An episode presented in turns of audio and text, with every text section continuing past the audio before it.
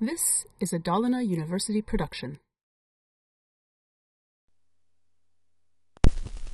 Ja, då var det dags för eh, föreläsning tre då, i delmoment 1 här. Och då har vi kommit fram till SQLs språkdel som heter Data Definition Language, DDL. DDL, Data Definition Language. Ja, det används när vi ska skapa objekt. Och då har vi då ett reserverat ord som tillhör den biten som heter create. Eh, och så kan vi då förändra objekt, befintliga objekt med något som heter alter. Hoppsan, i det där fallet förändrar vi den där mördaren, den där gröna mördaren så att den blev större och ännu mer skräckinjagande. Och då har vi väl tur då att det finns något som gör att vi kan ta bort objekt också med det reserverade ordet drop. Så har vi av med den där obehagliga men eh, typen där. Om vi då ska titta på när vi ska skapa en tabell så har vi då en tabell här som heter student med lite olika kolumner i. Med lite olika notation där så att vissa saker ska vara främmande nycklar och primärnycklar och mandatory och optional och så vidare. Om vi då ska ta och titta hur det ser ut när vi då ska skapa ett tabellobjekt här så börjar vi med det reserverade ordet create och så talar vi om att det är en tabell med namnet student och sen sätter vi då en parentes. Och så börjar vi med den första kolumnen då. Som ju ska heta stödnummer. Och det gäller att vi väljer en lämplig datatyp. Och i det här fallet så har jag då valt en datatyp, en number med längden 6. Jag tänker det att vi kommer inte att ha mer än en miljon studenter lagrade i våran tabell. Och sen talar jag då om att vi även då hänger på constrainten primary key där. Och det kallas då att vi deklarerar den constraints and primary key på kolumnnivå. När vi gör det i samband med att vi talar om och deklarerar den här kolumnen.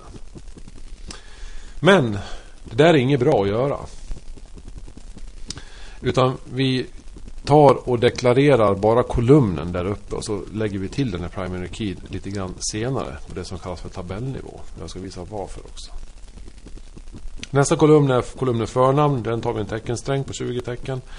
Vi har asterisken, en stjärna där som är mandatory. Då hänger vi på constraintsen not null. Och den är vi då tvungna att deklarera på, på, på, på kolumnnivå när vi deklarerar kolumnen. Kolumnen e-namn, samma sak, not null. Telefon, samma sak där också. Att vi har då varsitt två. Vi tänker att ja, 15 tecken, något längre telefonnummer behöver vi inte ha. Att den är också not null. Och att vi sen då har kolumnen, den sista kolumnen mobil. Att vi inte hänger på något null på den. Eftersom det står ju då i modellen där att det är ett litet ord. Det vill säga optional, frivilligt. Nu är vi klara med våra kolumndefinitioner. 1, 2, 3, 4, 5. Och vi har då fem stycken där i modellen. Så att här skulle vi då kunna skapa våran primärnyckel på det som kallas för tabellnivå. Jag tycker att det är alltid bättre att göra de constraints som går på tabellnivå. Eftersom man på tabellnivå kan skapa komposita nycklar och det kan man inte göra på kolumnnivå. Så på tabellnivå där kan man äh, göra allt.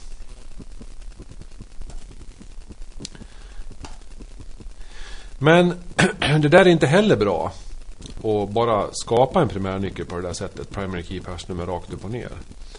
Därför att Oracle kommer att ge den här constrainten ett namn. Och det är inget namn som vi människor begriper. Den skulle till exempel kunna heta SYS-C006451.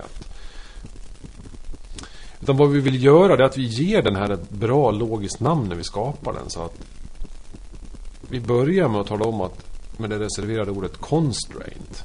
Och sen så talar vi om vad den ska heta. Och jag väljer att ge namnet till den där constrainten Student underscore studnummer underscore PK. Och det är primary key. Så nu har jag då gett den ett namn själv. så att det är inte så kul att vi har de här namnen sys. Utan vi kommer till, det, till varför vi inte vad vi ska undvika det i senare exempel som det kommer att göra det tydligt. Om vi då ska ta och skapa lite constraints och titta på hur vi gör när vi skapar foreign keys. Så ser vi då att i den här tabellen som är rödmarkerad, det vill säga ägarbyte, så har vi faktiskt två stycken foreign keys eller främmande nycklar. Så här dyker våra noggranna programmerare upp och ska hjälpa oss att skriva kod här. Och kan börja då skriva create table ägarbyte. Och så en parentes och sen så kommer vår kolumndefinition här. Första kolumnen, radnummer får vara number 9. Och här struntar vi och definierar. Vi definierar hädan efter Eh, våra tabellkonstraints, det vill säga de som går på tabellnivå, det vill säga efter våran definition av de kolumner som ingår i tabellen. Eh, sen har vi ett persnummer, ett personnummer, varkör 211 not 0. Och då är det ganska viktigt, vi skulle kunna ha skapat den där utan not 0, men det är väldigt viktigt då att när vi då Eh, se till att skapa ett objekt av typen ägarbyte så måste vi ju faktiskt ha en person då som köper den här bilen. Eller ett, och att det måste finnas både en person och en bil som aktörer här. Va? Så att vi vill inte ha nullvärden på något av de där. Så därför då ser vi till att vi hänger på något null constrainsen på främmande nycklar. Eh, regnummer varkör 2 6. För det är ju sex stycken tecken i regnumret så att då vill vi inte kunna onödigt allokera åtta utrymmen. Och det är något null också. Eh, nästa då, den sista, det vill säga tidpunkten för när det här ägarbytet äger rum. Datumkolumnen är av datatypen date. Så har vi lagt på default sysdate. Så att om inte vi ger den ett specifikt värde så kommer den att dra systemklockan ifrån databasservern som tidpunkt. Och vi har även då hängt på not null constraintsen. Därför att vi vill alltid veta när i tiden ett ägarbyte äger rum. Så där har vi då deklarerat våra fyra, våra fyra kolumner. Och nu namnger vi våran primary key constraints. Constraint ägarbyte underscore radnummer underscore pk, PK är av typen primary key och den är då kolumnen radnummer av de här fyra ovanstående som vi avser koppla primärnyckeln till. Här har vi vår första främmande nyckel. Den namnger vi till ägarbyte underscore persnummer underscore fkey av typen foreign key och vi avser personen eller kolumnen persnummer där uppe. Och den då ska referera tillbaka till parent-tabellen person och persnummer. Och då säger vi att det stämmer att det är den den ska peka på. Och den slutliga constrainten där då som också är en foreign key. Och det är regnumret som pekar tillbaka på eh, fordon.regnummer. Det vill säga refererar till fordon tabellens regnummerkolumn. Och därav egentligen så brukar man ibland kalla eh, foreign key för referensintegritet också.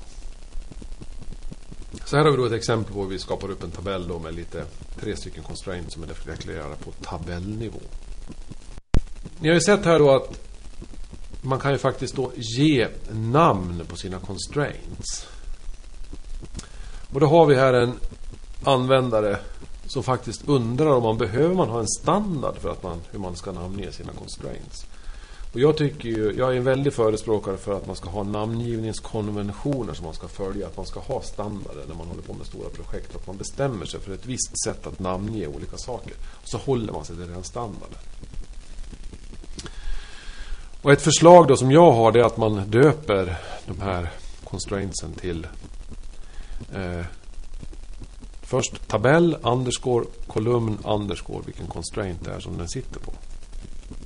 Och förslaget då är att man använder PK som förkortning för primary key, FK som förkortning på foreign key, CK som förkortning på check, UK som förkortning på unique. För att det är mycket trevligare att man får ett sånt här felmeddelande att constrainten student underscore, underscore studnummer underscore pk is violated. För då vet vi det att jaha, Eh, jag har gjort violation emot den constraint som sitter kopplad på tabellen student och kolumnen studentnummer och som är av typen primary key. Om den då är violated, ja då måste jag ha brutit antingen emot att jag försöker skapa en rad i studenttabellen som har ett nullvärde på den där eller att det redan finns en student med det här studentnumret så att jag håller på att skapa en dubblett. Hade jag fått meddelande om att sys underscore C033X1 är violated så hade det inte sagt mig någonting utan jag hade fått börja med tidsödande sökningar Data Dictionary för att kolla på vad är det här för constraints och var, var sitter den. Så att när vi namnger våra constraints så kan vi faktiskt få hjälp att korta felsökningstiden. Om vi då hamnat i ett läge att vi ser att i den här studenttabellen nu så saknar vi en kolumn som vi borde ha lagt till när vi skapade tabellen men som vi kanske glömde bort av olika anledningar. Vi säger att vi vill lägga till en kolumn som heter persnummer till en befintlig tabell.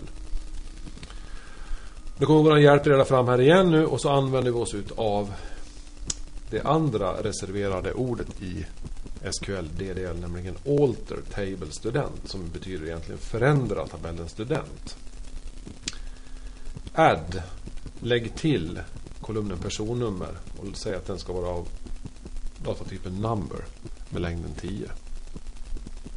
Så på det här sättet då så har vi då lagt till en kolumn till en befintlig tabell som heter persnummer som har en viss datatyp. Om vi då kommer på att vi behöver ändra datatyp på en kolumn. Ja, den här personnummer kanske inte var så lämpligt att ha den som number utan vi vill Vi vill inte ha den där som en number lagrat på formen 2, 4, 6, 8, 10 stycken siffror. Utan istället vill vi ha det här personnumret lagrat som en teckensträng med längden 11 på den här formen som vi är vana att skriva den på. Det vill säga 650101 bindestreck 7589. Alter table student, förändra tabellen student. Modify persnummer. Det vill säga förändra den befintliga kolumnen persnummer till att få datatypen varkör 2 med längden 11 istället. Så att på det sättet då så har vi då förändrat, ändrat datatyp på en befintlig kolumn. Det finns en mängd olika sådana här växlar man ska göra. Det finns ingen anledning för mig att sitta och gå igenom alla de här utan jag tar små exempel så får ni fördjupa er i kurslitteraturen eller på internet själva om alla de här olika sakerna. Så att om vi då skulle vilja lägga till en constraint då till en befintlig kolumn. Eh, vi vill ju inte hamna i en situation där vi får dubbletter på, på kolumnen personnummer.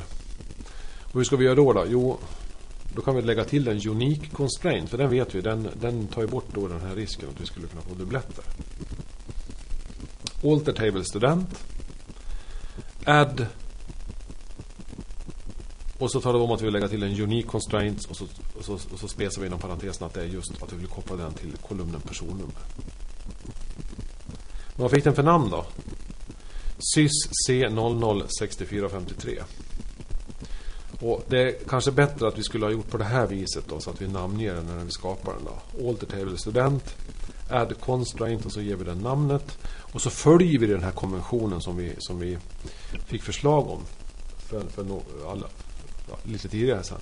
Att vi då antar tabellens namn, underscore, kolumnens namn och vilken typ av constraint det där är. Så att vi döper den då till student, persnummer, underscore, UK för unik. Så då har vi fått ett litet, ett litet bättre namn på den där. Om man då ska söka Data Dictionary, Oracle har ju ett tablespace som heter system som ju innehåller hela metadatabasen, det vill säga Data Dictionary. Och Data Dictionary har massor med så kallade vyer som man kan söka i. Vi har vyer som börjar på DBA underscore. Och det är vyer för databasadministratörer. Och sen har vi vyer som börjar med namnet all underscore. Ja, då får vi upp vyer mot alla objekt, det vill säga mot alla scheman som finns i databasen. Alla användares objekt skulle vi kunna titta på metadata ifrån. Men oftast är vi bara intresserade av att titta på de objekt vi äger själva.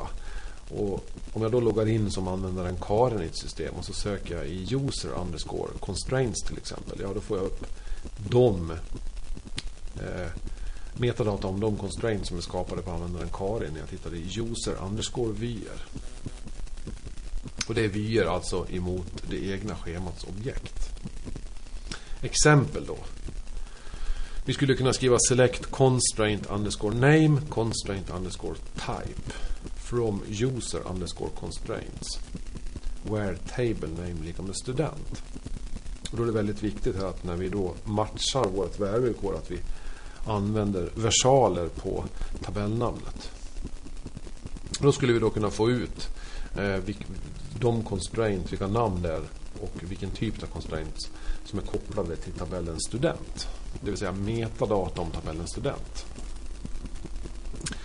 Och ni kan själva gå in på den här länken då, ss64.com och titta på alla vyer som finns i Oracle. Det betyder att det finns gigantiskt mycket metadata som man ska köpa så att jobbar man, som man kan söka. Så jobbar man som databasadministratör så kommer man att lära sig de där utantill förr eller senare. Vi ska ta och titta lite grann på ett objekt som heter sekvens. Här har vi två stycken tabeller. Vi har en tabell som heter person och en som heter ägarbyte. Det vill säga delar av tidigare exempel.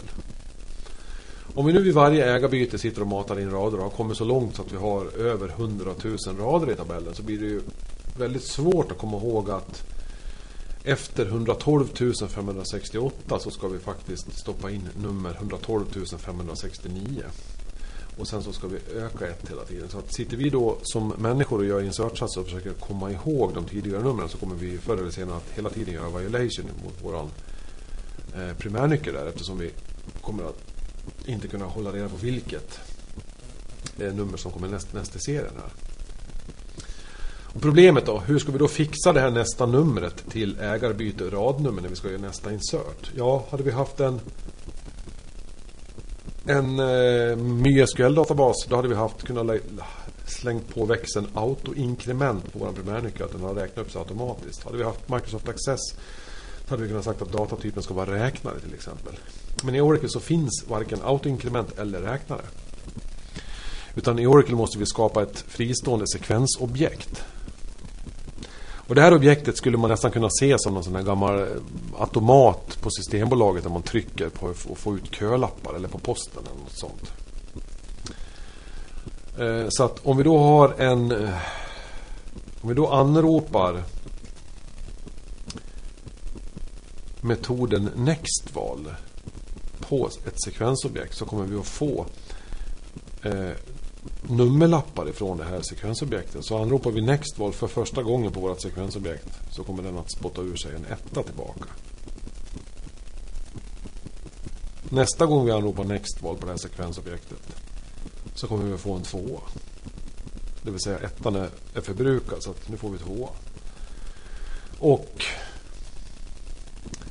om vi då efter 112 569 gånger anropar det här metoden nextval på vårt sekvensobjekt så kommer den då att skicka tillbaks rätt nummer åt oss. Så att den håller ordning på de här numren och ser till att den genererar nummer i en följd. Så att då kan vi använda sekvensobjekt när vi vill generera en nummerserier. Eller vi är tvungna att göra det i Oracle.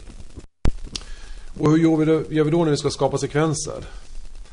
Eh, vi har fått en uppgift här att vi ska skapa en sekvens med namnet ägarbyte underscore radnummer. Och den ska starta på ett och öka med ett varje gång vi ropar next var på den. Eftersom vi håller på med Data Definition Language så kan vi då använda create.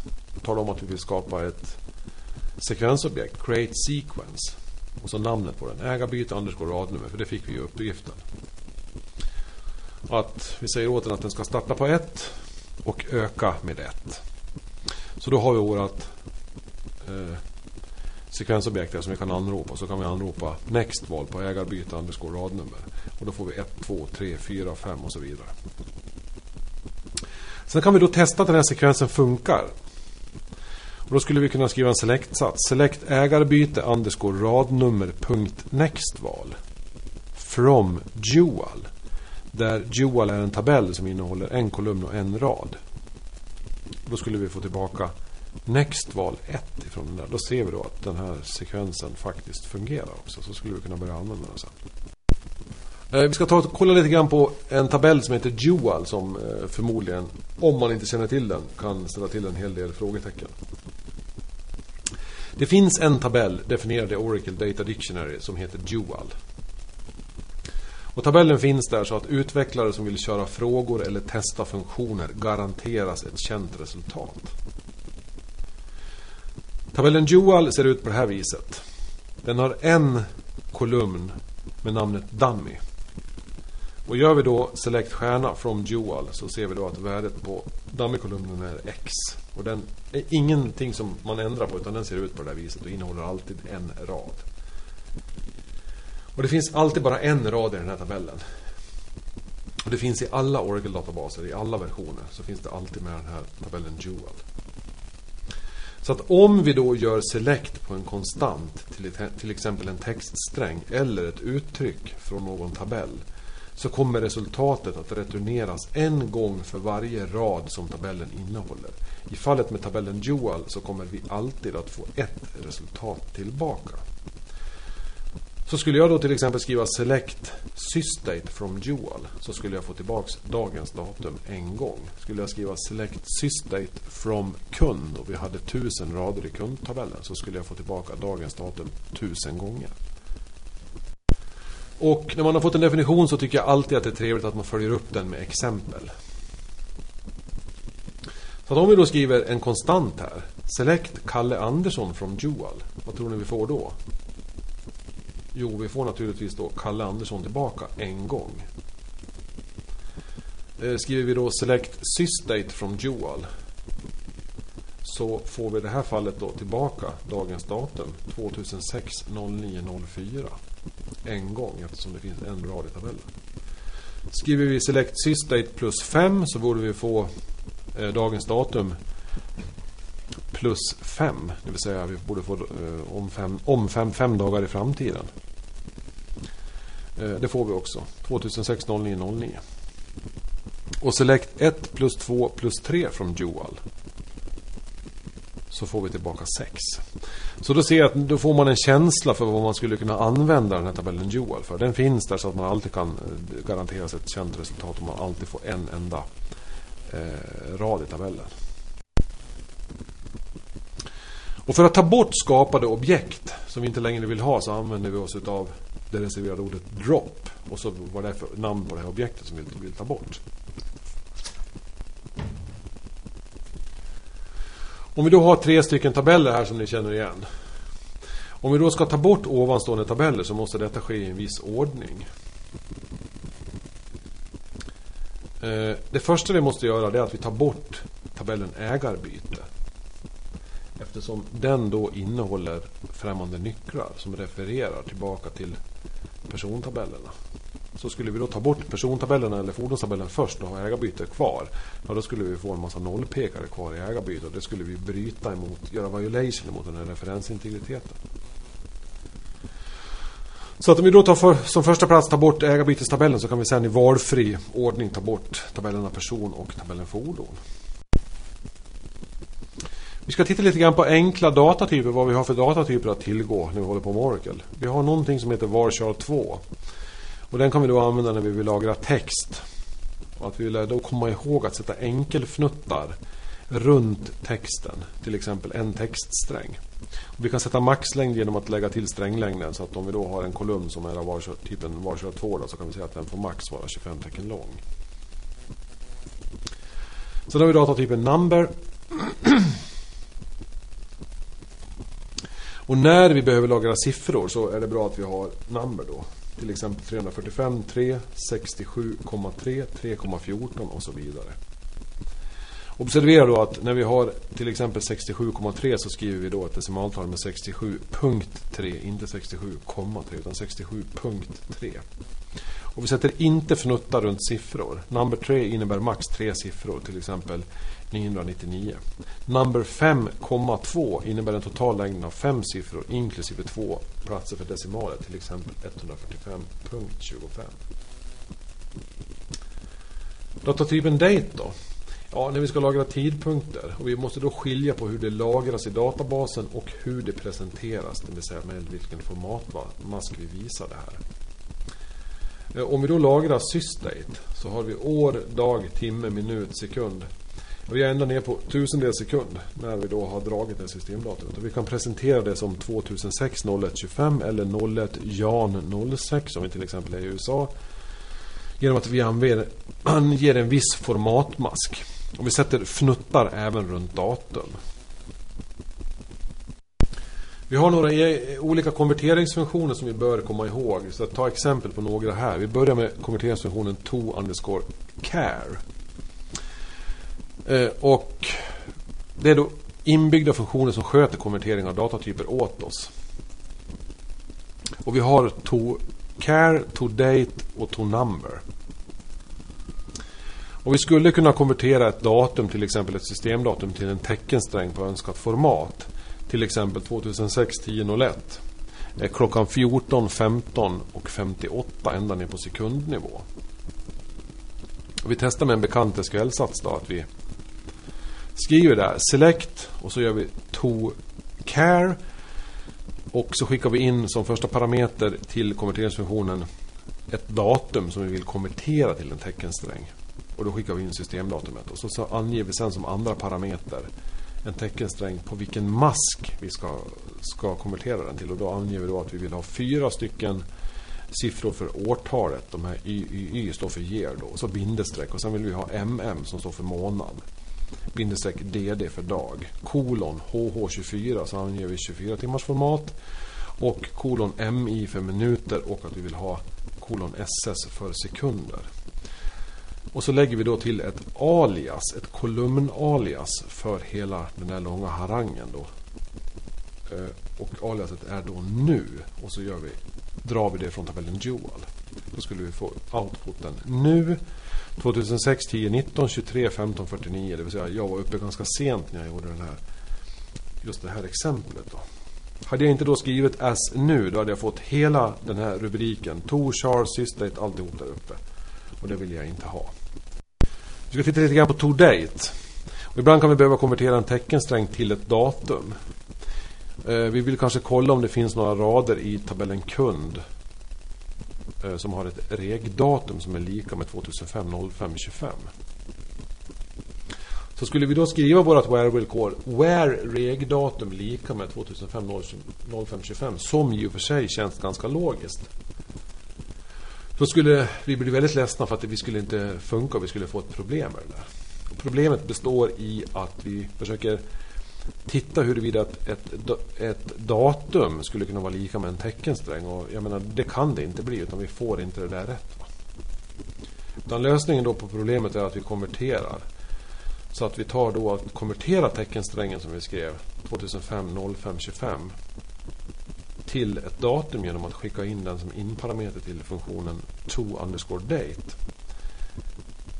Och så talar vi om som andra parameter vilken formatmask vi har på vår teckensträng. Jo, vi har YYYY, MM, DD. Så att då har vi fått löst våra... Avslutningsvis så kan vi ta och titta på Tonumber här. Så ibland behöver man då ta ut en del av en textsträng, till exempel ett personnummer och konvertera till ett siffervärde. Vi skulle kanske vilja plocka ut vissa delar ur det här personnumret.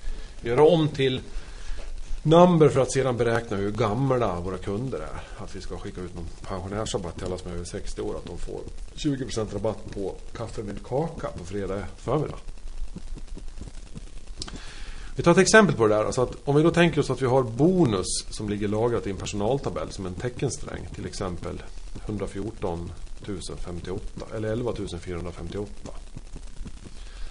Och så om vi då vill räkna ut den totala lönen som lön plus bonus. Så bör vi då typ omvandla kolumnen bonus. Varför bör? Jo, för i vissa äldre versioner av Oracle så sker ingen implicit typomvandling. Och detta görs dock från och med version 9i men ni vet inte om er kod som ni skriver kommer att hamna i äldre, vilken version de kommer att köras idag. Så då skulle det kunna se ut så här då. Select förnamn, efternamn. Och så tar vi då det som står i lönekolumnen plus. Och så tar vi och konverterar om teckensträngen i bonuskolumnen till ett num number. Och så lägger vi det under aliaset totallön från personaltabellen. Så att ovanstående fungerar alltid och är mer logiskt korrekt. Så att om vi nu ska göra räkneoperationer så vill man kanske inte riktigt lita på den här implicita typomvandlingen utan att man gör explicita typomvandlingar. Vi ska titta lite grann på lite olika operationer på datatypen date. Vi skulle kunna ta ett datum och plussa på en siffra och få tillbaka ett datum. Så att vi skulle kunna ta sysdate plus 10 så får vi dagens datum. Så får vi det datum som är om 10 dagar. Vi skulle kunna ta ett datum minus ett datum. Så att sysdate minus 365. Ja, då fick vi exakt tidpunkten ett år tillbaka i tiden. Och så skulle vi kunna ta ett datum minus ett annat datum. Och så får vi då ett numeriskt resultat tillbaka. Det vill säga antalet dagar som är mellan två datum. Så skriver vi då till exempel select to date och så konverterar vi våran teckensträck jan 01 2006 på formatmasken mon för månad och så DDYY plus 10 med aliaset om 10 dagar från dual. Så får vi då resultatet 2006 01 11. Det vill säga om vi då tar, för, har första januari och lägger till 10 dagar så får vi faktiskt den 11. Skulle vi då få ta till exempel dagens datum minus ett datum långt bak i tiden, det vill säga 1998, den 23 februari 1998. Då skulle vi då få antal dagar emellan de här två tidpunkterna. I det här fallet så får vi 3164,0 och så massa olika decimaler.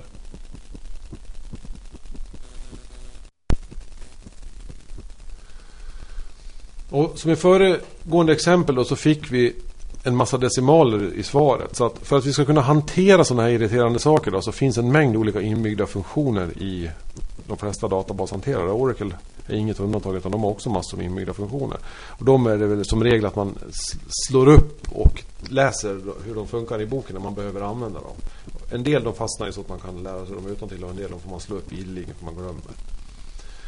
Och för att eliminera eller visa ett visst antal decimaler så kan vi till exempel använda funktionen round som tar två parametrar. Nämligen det talet som det handlar om plus antal decimaler som man vill visa den med.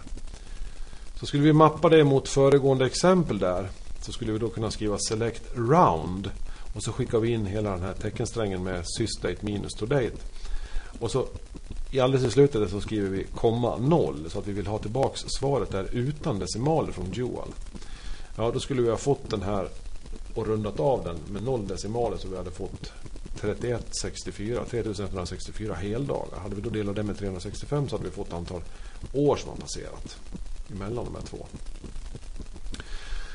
Så att Oracle har alltså då massvis med så kallade built-in functions. Och vi har då exempel på single row functions, group functions, character functions, number functions, date functions, conversions functions och general functions. Så vi har mängder med funktioner.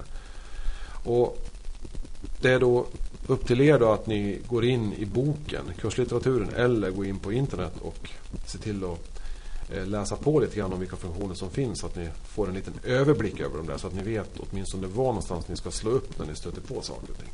Som när ni behöver använda dem där. Eh, ja, då var vi då klara med den här föreläsningen här och eh, vi får väl då ses i, i föreläsning fyra nästa gång.